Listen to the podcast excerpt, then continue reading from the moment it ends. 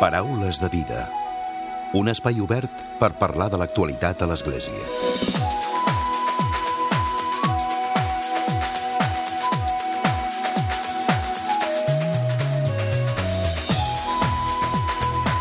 Què tal? Salutacions i molt bon dia, molt bon diumenge. Avui és primer de juliol i des de fa una setmana que els infants, els nens i nenes del país ja gaudeixen del temps de vacances, del temps de lliure. Potser molts es quedaran a casa amb la família, amb els pares, amb els avis, també amb un cangur o bé amb els tiets, tot gaudint de l'estiu. Altres també assistiran a les activitats de lliure educatives que hi ha durant tots aquests mesos estivals. Una oferta, per cert, molt diversa avui dia. Segons dades de la Direcció General de Joventut, l'estiu passat es va assolir un rècord històric i és que es va arribar fins a 276.900 infants i joves i també dirigents que van participar dels casals, d'acampades, de rutes o de camps de treball. Davant d'aquesta realitat, la Fundació Pere Tarrés ha elaborat un decàleg que ha de servir d'orientació a les famílies a l'hora d'escollir les activitats d'estiu dels joves. Avui en parlarem i ho farem amb en Raül Avellaneda, que és el coordinador de la xarxa de centres socials socioeducatius de la Fundació Pere Tarrés.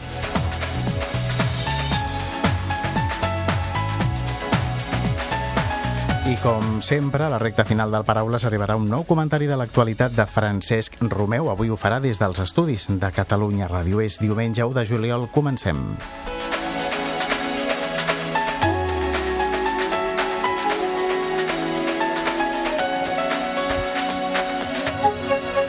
I donem la benvinguda en Raül. Bon dia i benvingut. Bon dia, moltes gràcies. Avui estem diumenge, primer de juliol. Demà segurament ja molts nens i infants comencen els casals uh -huh. i davant d'aquesta situació, ara ho dèiem a la portada, molts pares i mares potser han tingut dubtes. Vosaltres, des de la Pere Tarrés, heu fet un decàleg. Exacte. La idea és que a l'estiu són molts mesos per, pels pares en els quals hi ha molt de temps lliure i sembla com un abisme. Què podrem fer els nens? Nosaltres treballem, on els podem enviar, amb els avis, amb els tiets, amb algun familiar i la idea del decàleg sorgeix doncs, per orientar els pares dir, escolta, hi ha molta opció de lleure i la nostra opció és aquesta mireu aquests punts i decidiu segons això quina és, quina és la millor opció pels vostres fills, sobretot també comptant amb els vostres fills. Uh -huh.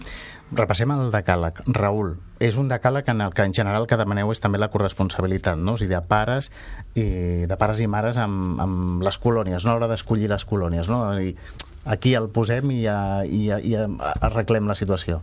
Clar, l'opció preferida és que els pares es puguin implicar tant com, com puguin en, en les colònies potser en alguns casos en la preparació, però sobretot en la decisió. És a dir, nosaltres volem que els pares i les mares vinguin a les reunions, que consultin, que ens plantegin tots els dubtes que tenen, que ens expliquin com són els seus fills i què és el que els seus fills esperen també, perquè també el que intentem és que els eh, fills s'expressin i diguin què és el que ells volen fer. No? Intentem oblidar-nos de la visió clàssica de que els pares envien els nens on ells creuen que és millor i volem implicar pares i fills en aquesta decisió. -huh. Repassem el decàleg. Què és el que, què és el que dieu? Què és el que proposeu? Doncs la, la primera idea és que hi hagi una entitat darrere de l'activitat amb, amb una experiència reconeguda en el, en el lleure. Són moltes les, les opcions a, a Catalunya. Afortunadament som, som un país amb, amb molta tradició de lleure, amb esplais, amb caus, amb associacions juvenils i la, les opcions són com la Fundació Pere Tarrés d'entitats amb molt de recorregut. Llavors, nosaltres ara mateix hem fet 60 anys, però hi ha altres entitats que també, que també valen molt la pena. I això ens assegura, un, que hi ha experiència i dos, que ens hem reinventat moltes vegades per poder eh, eh, fer que els nanos s'ho passin al, al millor que ve i també que, que aprenguin alguna cosa. Clar. De fet, sempre esteu reinventant i buscant coses noves, no? Sí, exactament. De fet, eh, cada any sorgeix algun casal nou. No? En, en les noves èpoques doncs, eh, hi ha la robòtica, ens hem posat en temes de moda, els esports sempre triomfen, enguany hi ha un casal de màgia, és a dir, bueno, ens adaptem al que els infants eh, volen. -huh. Aquest seria el primer punt, no?, del decàleg? Exacte. Uh -huh. Després també, com comentaven abans, eh, les activitats de lleure han d'estar adaptades a l'edat de l'infant i sobretot a les seves motivacions. Això vol dir que, que hem de mirar, hem de preguntar, hem de fer que, que els nens participin en tot allò que fan. No? Dintre de la Convenció dels Drets dels Infants, un de dels punts forts és això, és la participació. Llavors la idea és que ells eh, expressin quines són les motivacions. I en cas que sigui difícil saber-ho, doncs parlar amb especialistes. No? Hi, ha, hi ha molta gent doncs, que amb les adolescències, que potser és una època complicada per preguntar o complicada per expressar-se, eh, hi ha molta gent que ens pot ajudar a dir escolta, doncs mira, el millor per un xaval d'aquestes característiques, una noia d'aquestes característiques és això. I això ho feu també des de la Fundació, vosaltres recomaneu, no?, als pares i mares què és el que poden fer els seus fills. Exacte, nosaltres tenim una oferta de lleure educatiu eh, molt ampla, molt àmplia, llavors eh, pot ser des d'estades en casals, però també pot ser colònies, és a dir, eh, nosaltres fem una barreja d'allò que pugui ser una cosa diària, de dilluns a divendres, doncs, bueno, eh, tornes a casa a dormir, o experiències que jo personalment estic molt enamorada d'aquestes, que és d'anar a dormir fora, l'experiència de sortir, de sortir de casa, de passar una nit fora, perquè és allà a les nits on realment eh, passen coses eh, màgiques i on els nanos doncs, es poden expressar i perden algunes pors i guanyen altres coses molt interessants. Clar, no? és, potser és la, la primera experiència per a un infant de, de sortir de casa seva, no? de la protecció familiar. No? Exacte. I també és un punt eh, molt interessant de, de descobrir l'alteritat, és a dir, descobrir l'altre. No? no estem sols, eh, hi ha unes edats dintre de la psicologia del desenvolupament en la qual el nen doncs, és ell sol i prou.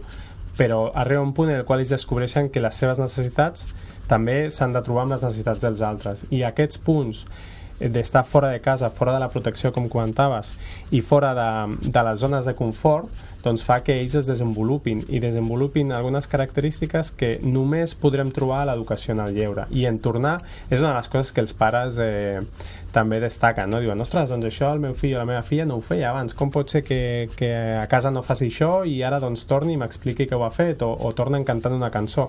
Bé, doncs han descobert que el lleure, el temps lliure és una cosa de, de disfrutar, de gaudir entre, entre no un sol sinó amb els altres. Uh -huh. Més punts uh, d'aquest decàleg. Raül. Molt bé, seguim amb, amb els fills o filles pactant amb ells eh, la, les participacions aquí hi ha, hi ha un punt també de, de convèncer als infants. Dintre de la relació que comentàvem de la zona de confort d'abans, doncs a vegades és molt difícil, no? perquè el nen està molt content a casa doncs, amb, amb el que té, amb el que coneix i hi ha un punt de pactar aquí de dir, escolta, esforcem-nos, mira, jo crec que això t'anirà molt bé, però el que no podem fer és anar en contra totalment, perquè si el nen ja ve a les colònies o al casal totalment en contra serà molt difícil i probablement distorsionarà tota l'activitat. Però hi ha nens que van en contra o que tenen recels d'anar-hi? Bueno, hi ha recels, allà on no coneixes sempre és difícil anar, no? però hi ha el, els educadors estan preparats per això també. Hi ha una formació molt potent en lleure a Catalunya que el que fa, entre moltíssimes altres coses, és convèncer els nanos que allò que estan fent tindrà sentit i que s'ho passaran bé. I això, bueno, tots els números que heu dit abans, no? això demostra que si any rere any hi ha tants infants que participen en activitats de lleure d'estiu i que les esperen, doncs això vol dir que, que ho estem fent bé. Suposo que també potser el, el paper de la família, no? que prèviament ja, abans d'iniciar les, les colònies o el casal, ja els hi van explicant als fills i això fa que potser s'engresquin, no? Exacte.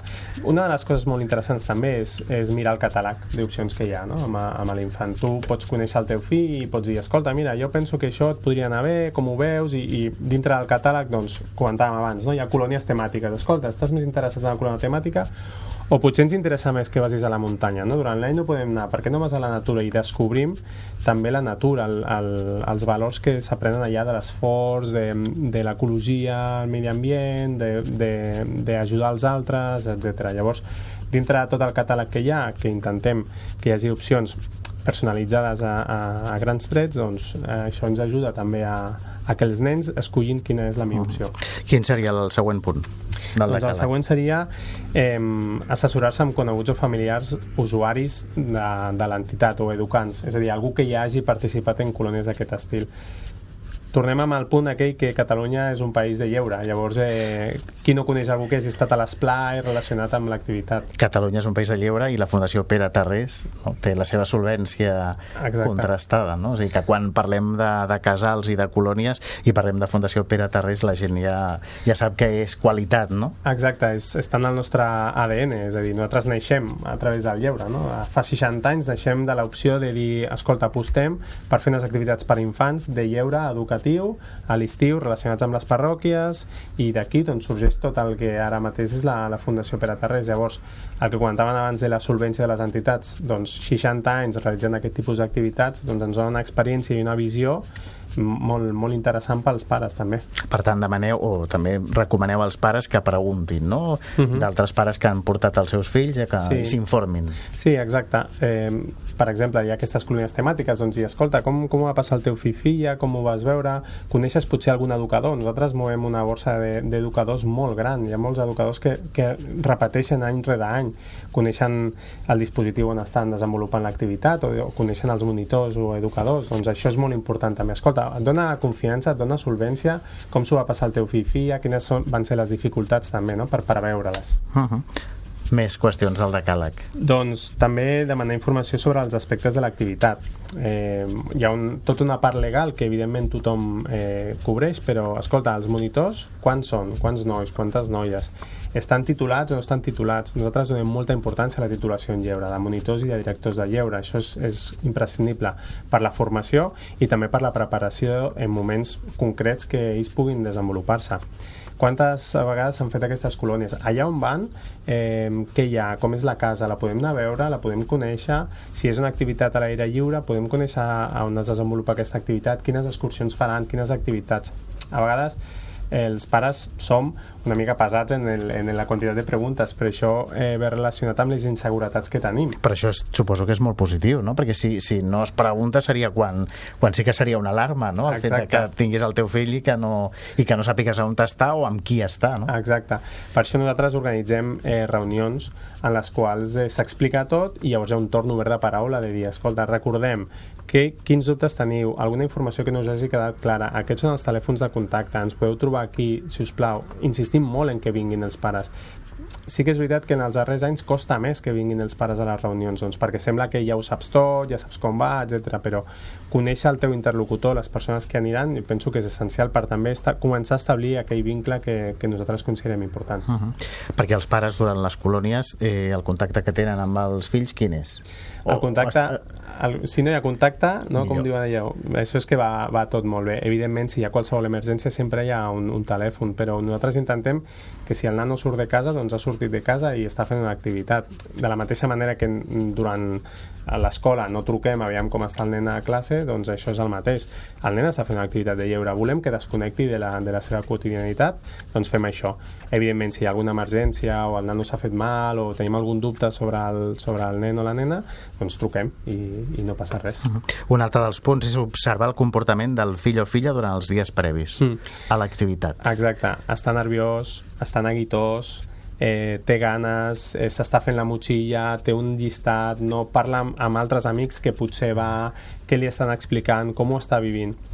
Eh, jo crec que un punt d'angoixa, un punt de nervis és normal, perquè és allò, no? Vas a, a, allò, a allò desconegut. Malgrat ja ho hagis fet, sempre hi ha el punt de que cada any pot, pot canviar alguna cosa, però si, si el nen o nena ho està vivint malament, és el moment d'acompanyar això, és el moment de dir eh, què et passa, quines angoixes tens, anem a parlar un altre cop, anem a explicar-nos, vols que anem a veure el lloc si és factible, bueno, doncs, doncs acompanya això, perquè un, un, un dels ingredients de, que sigui un èxit de l'experiència és que el nen vagi amb la llibertat de poder-s'ho passar bé, que no vagi ja amb moltes barreres, perquè llavors serà el moment en el qual no voldrà conèixer ningú, no voldrà participar de les activitats, etc. Per exemple, davant d'una situació que el nen els dies previs ha estat molt content, tenia moltes ganes, i arriba el dia i aquell dia es bloqueja i diu que no vol anar-hi. Vosaltres què és el que recomaneu? O aquesta situació com es viu? Clar, això és normal. No? És a dir... Eh, Suposo que és una mica el que explicaves ara, no? que Exacte. potser després, quan arriba el moment, es viu amb més, amb més angoixa. No? Canviem les rutines, no? el nen s'aixeca probablement ha dormit malament, ha dormit poc pels propis nervis, i llavors veu i té la motxilla feta, té el dinar fet, veu que hi ha pues, una setmana en la qual estarà lluny dels pares, que no deixa de ser un lloc de, de seguretat, doncs vinga, anem cap allà, anem a l'autocar, anem a veure, i els monitors en el moment en què ells veuen que els nanos arriben el primer que fan és acostar-se a ell, no? a intentar començar a construir el vincle com et dius, en quin grup estàs, quina edat tens, vens amb amics, no vens amb amics, tens algun tipus d'identificador, doncs un fular... Bueno, començar a construir relació personal, el vincle, a la, la persona de persona a persona. No, no volem nanos que, com robots que participen de les activitats, sinó volem que siguin activitats transformadores i això només es, es construeix a través de la persona. Uh -huh. Quines qüestions més queden del decàleg, Raül? Doncs el, el període d'adaptació, no? relacionat amb el que parlàvem ara, doncs hem d'entendre que potser el nostre fill o filla doncs, tindrà un període d'adaptació d'un, dos dies o d'unes hores. Hi ha nanos que de seguida participen a l'activitat i entren, coneguin més o menys gent, o hi ha gent que té més facilitat per, per conèixer o per tractar de seguir algunes coses o per jugar, i altres nens doncs, bueno, doncs que se'ls ha de deixar el seu espai. Això eh, és tan bo pels pares com pels educadors que els hi diem deixeu espai, deixeu que la gent es desenvolupi deixeu que s'expressin. I si hi ha un moment en el qual el nen o nena està tranquil però està en un racó, doncs bueno, anem, preguntem i si no, doncs no passa res ja a la següent el convidem a participar uh -huh. Què més coses? No imposar les activitats, no? Exacte, si comencem a imposar i veiem que el nano no, no, pot no, no vol participar, doncs li proposarem una alternativa, li demanarem que descansi per això, per evitar que des del minut zero ell estigui eh, en contra del que, del que s'està fent. Uh -huh. I per últim, el tema que ara, de fet, en parlàvem també, no? el de regular els dispositius no? electrònics, Electrònics. exacte. Sí, bueno, estem en el segle XXI, els nanos són digitals, llavors és molt difícil, no? fins i tot nosaltres oferim colònies de robòtica, colònies d'ordinadors, colònies de videojocs, bueno, però és, la realitat és aquesta, no ho podem mirar només des de la nostra visió d'adults, sinó també de la visió dels nens. Es poden pactar coses, doncs, espais, moments, temps, però sobretot eh, ells el que, el que volem transmetre és que han de fer un consum responsable. És dir, tu, tu saps si tens una addicció o tens una necessitat o és només una cosa de consultar quelcom. Doncs això és només consensuar aquestes normes amb ells també. -huh. És, Raül, la primera vegada que es fa el decàleg? És la primera vegada, tot i que són coses que sempre estan en l'aire. Sí que és veritat que hem, ens hem assegut i hem dit, vinga, va, anem a escriure-ho, però sempre són coses d'aquelles que estan, no? que estan a les recomanacions, però és la primera vegada que ho posem en decàleg. Uh -huh. I suposo que per aquesta necessitat, no?, també, de que, que estigui ordenat i que els pares i mares que apunten els seus fills a casals uh -huh. o colònies que sàpiguen que sí. hi ha aquestes normes, no, recomanacions. Recomanacions. No? És una manera de dir als pares, escolteu, sabem que teniu molts dubtes, moltes angoixes. Mm, hi ha molta, molta varietat, no? Quan t'enfrontes a l'estiu, dius, ostres, hi ha moltíssimes coses a fer, com ho faig?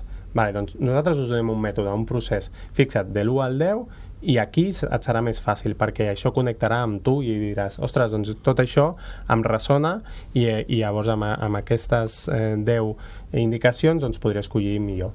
Són patidors els pares i mares? Sí, clar oh, i tant.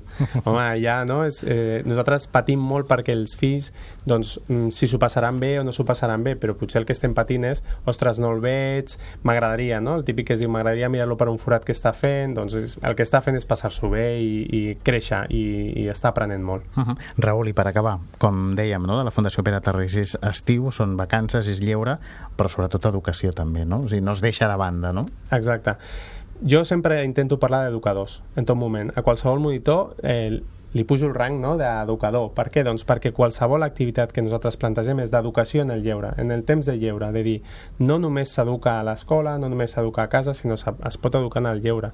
Estem parlant de valors, estem parlant, com comentava abans, de l'alteritat, de construir un nosaltres. Qui som nosaltres? Cap a on volem anar?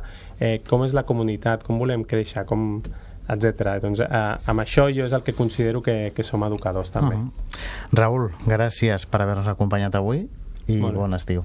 Molt bé, bon estiu, moltes gràcies. Paraules de vida amb Emili Pacheco. I tot seguit, i des de l'estudi de Catalunya Ràdio, ens acompanya en Francesc Romeu. Francesc, bon dia i benvingut. Molt bon dia a tothom.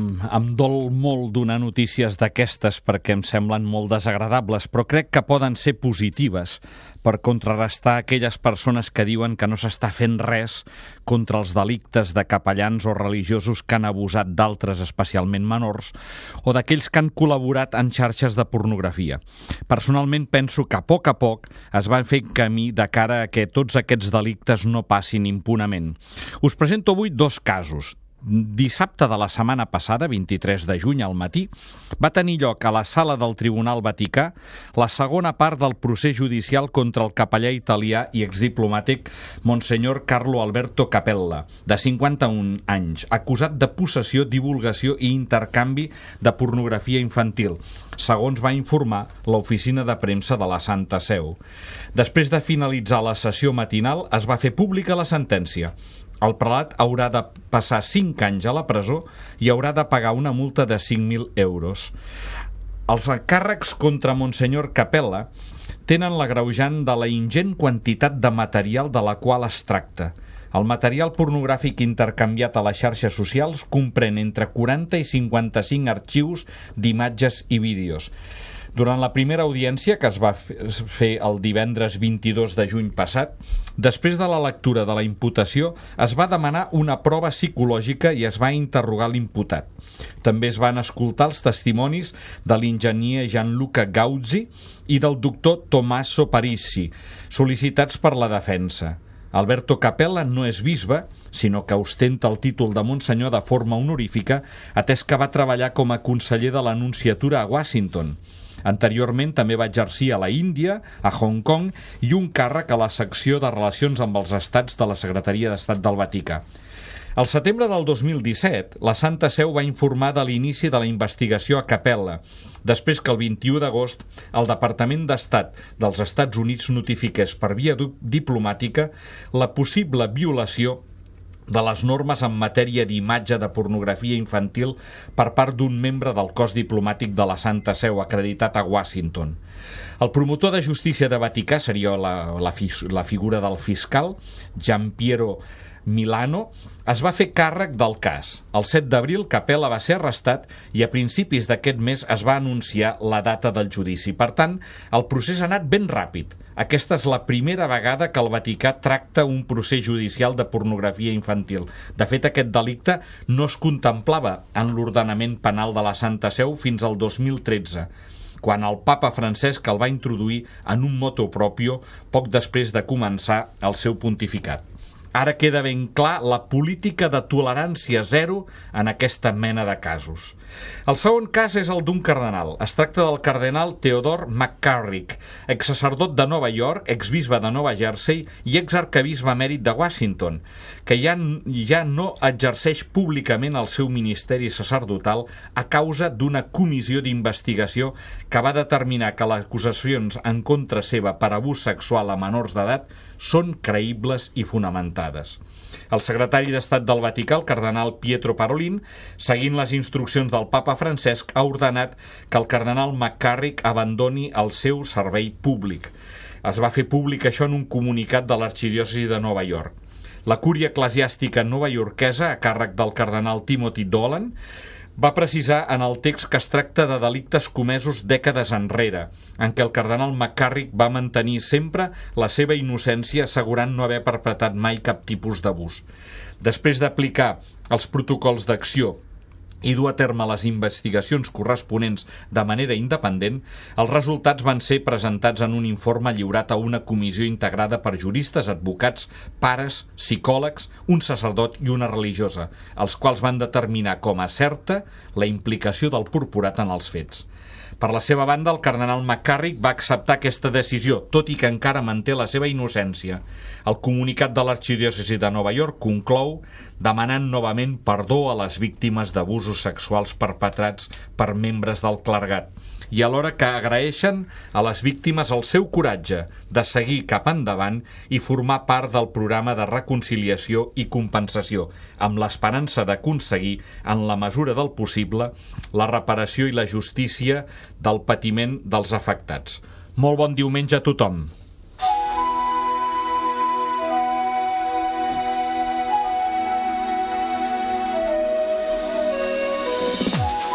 Fins aquí el Paraules de Vida d'aquesta setmana, d'aquest diumenge. En Ricard Portal ha estat el control tècnic i qui us ha parlat, l'Emili Pacheco. Que passeu bon diumenge i una molt bona setmana. Us oferim la carta dominical de l'arcabisbe de Barcelona, Joan Josep Omella. Déu us guard. Aquesta setmana començo amb una dada trista que afecta moltes famílies. La mortalitat per accidents de trànsit va augmentar prop d'un 8% durant l'any 2017. Un total de 248 persones van perdre la vida a Catalunya. Darrere de cada víctima hi ha una família trencada, uns pares o uns fills que pateixen, una amistat esquinçada i, en definitiva, molt dolor. La majoria dels sinistres es produeixen durant les vacances, quan les carreteres s'omplen de vehicles. Ara que comença l'estiu, hauríem de ser més cívics que mai a l'hora d'agafar el cotxe, respectant les normes de trànsit i conduint amb prudència i amb solidaritat envers els altres conductors.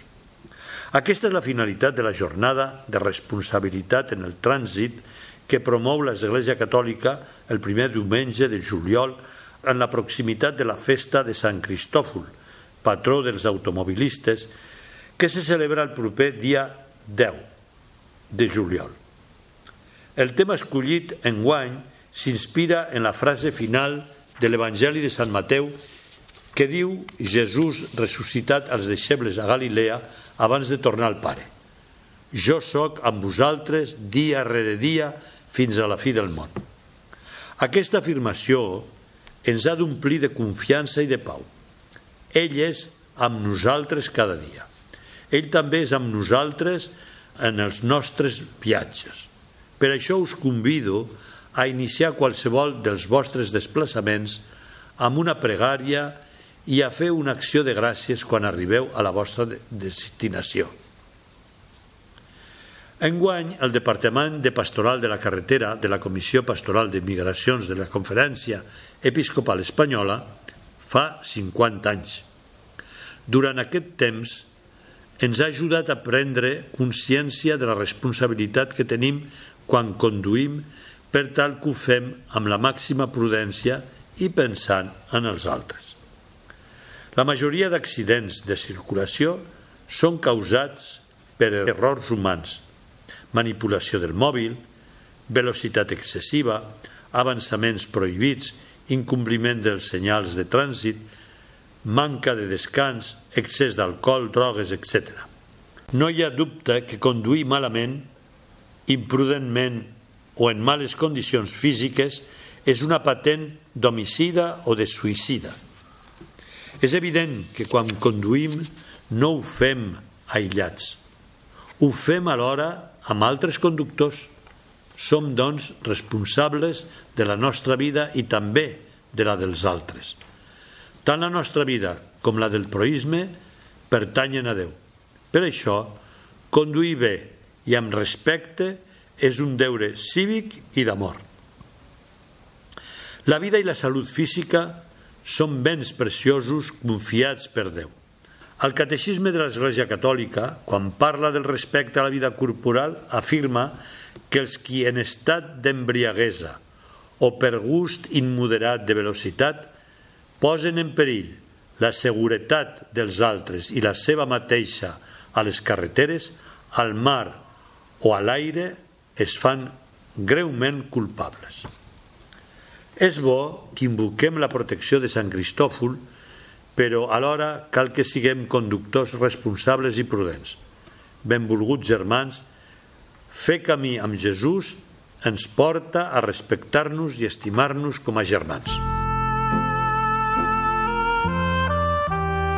Us hem ofert la carta dominical de l'arcabisbe de Barcelona, Joan Josep Omella.